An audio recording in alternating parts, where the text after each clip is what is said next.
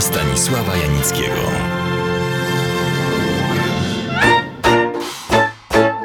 Może wreszcie lato przed nami i nastaje czas wypoczynku, wędrówek, wyjazdów w bardzo bliskie albo też odleglejsze strony. Przed takimi atrakcjami i przyjemnościami nie wypada zajmować Państwa poważnymi sprawami. Dlatego też chciałbym zakończyć ten odeonowy sezon garścią zabawnych, tak sądzę, anegdot i ciekawostek z życia najsławniejszego naszego komika estradowego i filmowego, jakim był Adolf Dymsza. Zresztą autorem niejednej krotokwili był on sam. W poprzednim Odeonie opowiadałem Państwu o pierwszych amerykańskich filmach dźwiękowych, w których główne role grał i śpiewał Al Jolson. Jerzy Jurandot przypomniał takie zdarzenie. Na ulicy Senatorskiej, parę kroków od wejścia do teatrzyku Kwi Pro Quo, zobaczyłem tłumek gapiów otaczających kogoś leżącego na ziemi. Przepchnąłem się. Był to dymsza. Leżał na brzuchu, z twarzą przytkniętą do kraty wentylacyjnej w chodniku. Panie Dotku, coś się stało? Czy pan się źle czuje? Proszę nie przeszkadzać, burknął. Nie słyszy pan, że śpiewam? Zszedłem do podziemi, gdzie mieścił się teatr. W obszernej garderobie Konrada Toma zgromadzili się wszyscy aktorzy. Poważni, zasłuchani, siedzieli bez ruchu z przymkniętymi oczami, z wyrazem twarzy znamionującym skupienie. Z wentylatora płynęła kołysanka Sonny Boy w świetnym wykonaniu Al Jolsona. Koledzy wytłumaczyli mi wszystko. Otóż w tym samym pasażu mieściło się kino Splendid, w którym od kilku dni wyświetlano po raz pierwszy w Polsce film dźwiękowy śpiewającego błazna z Al Jolsonem.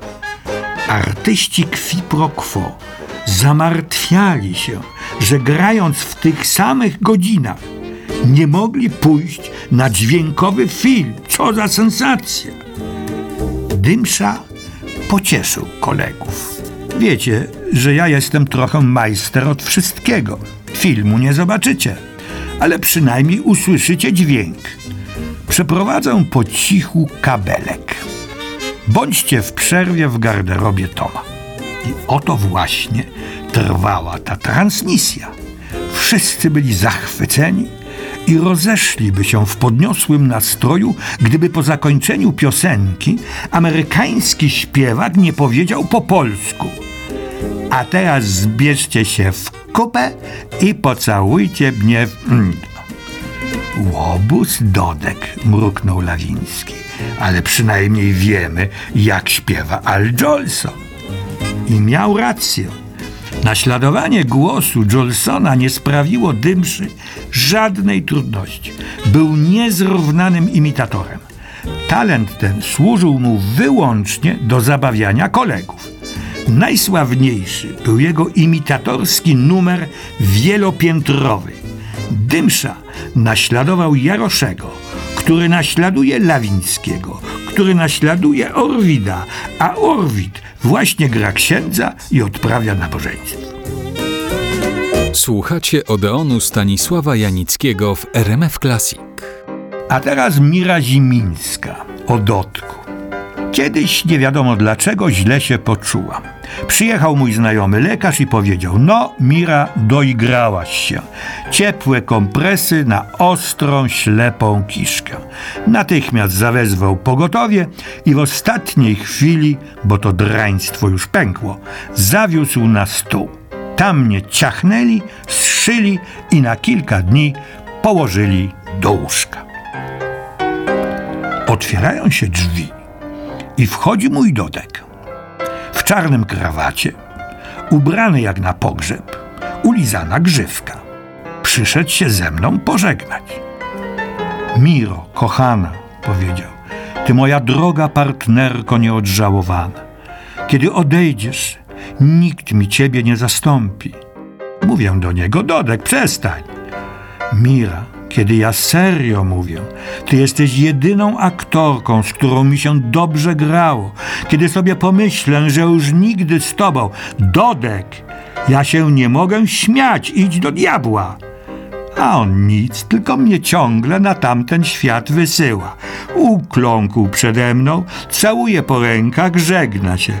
Mówię, Dodek, przestań, ale już nie mogłam się powstrzymać, bo miał taką śmieszną minę i ryknęłam śmiechem. Oczywiście szef pękł. Kochany, mój najlepszy, kochany partner. I tak o Dotku można bez końca. Polecam Państwu dostępne lektury wspomnieniowe o naszych dawnych aktorach. Nie mogę powiedzieć, które, bo byłaby to reklama, ale proszę zapytać w księgarni.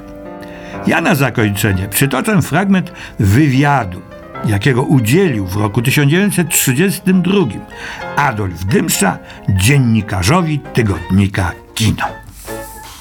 Dziennikarz. A propos kobiet, co pan sądzi o małżeństwie? A co pan sądzi o katordze? Odpowiada Dymsza pytaniem na pytanie. Jak to? No przecież jest pan żonaty. Dobrze mi tak. I ma pan piękne dziecko, które daje panu dużo szczęścia. Przy dużej forsie dziecko się opłaca. A gdyby był pan wolny, to czy ożeniłby się pan? Siewi? W szarym życiu potrzebne jest urozmaicenie. Pamięta pan swój debiut sceniczny? Ho, ho, a jak opowiem, to i pan spamięta. Miałem 7 lat i wystąpiłem w amatorskim teatrze dziecinnym. Recytowałem jakiś wiersz, którego nikt nie rozumiał.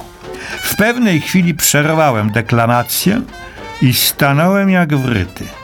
Trwało to dłuższą chwilę, aż mnie wyciągnięto za kulisy. Cóż się panu stało? Stało się to, co się staje dziecku, gdy dozna gwałtownego strachu. Rozumiesz pan? Kolejne pytanie dziennikarza. Co pan sądzi o elegancji mężczyzny? Eleganckim można być, ale raczej trzeba się kąpać. I tą przestrogą kończę dzisiejszy Odeon. Życzę Państwu dobrego letniego wypoczynku i zapraszam na ósmy już sezon Odeonowy.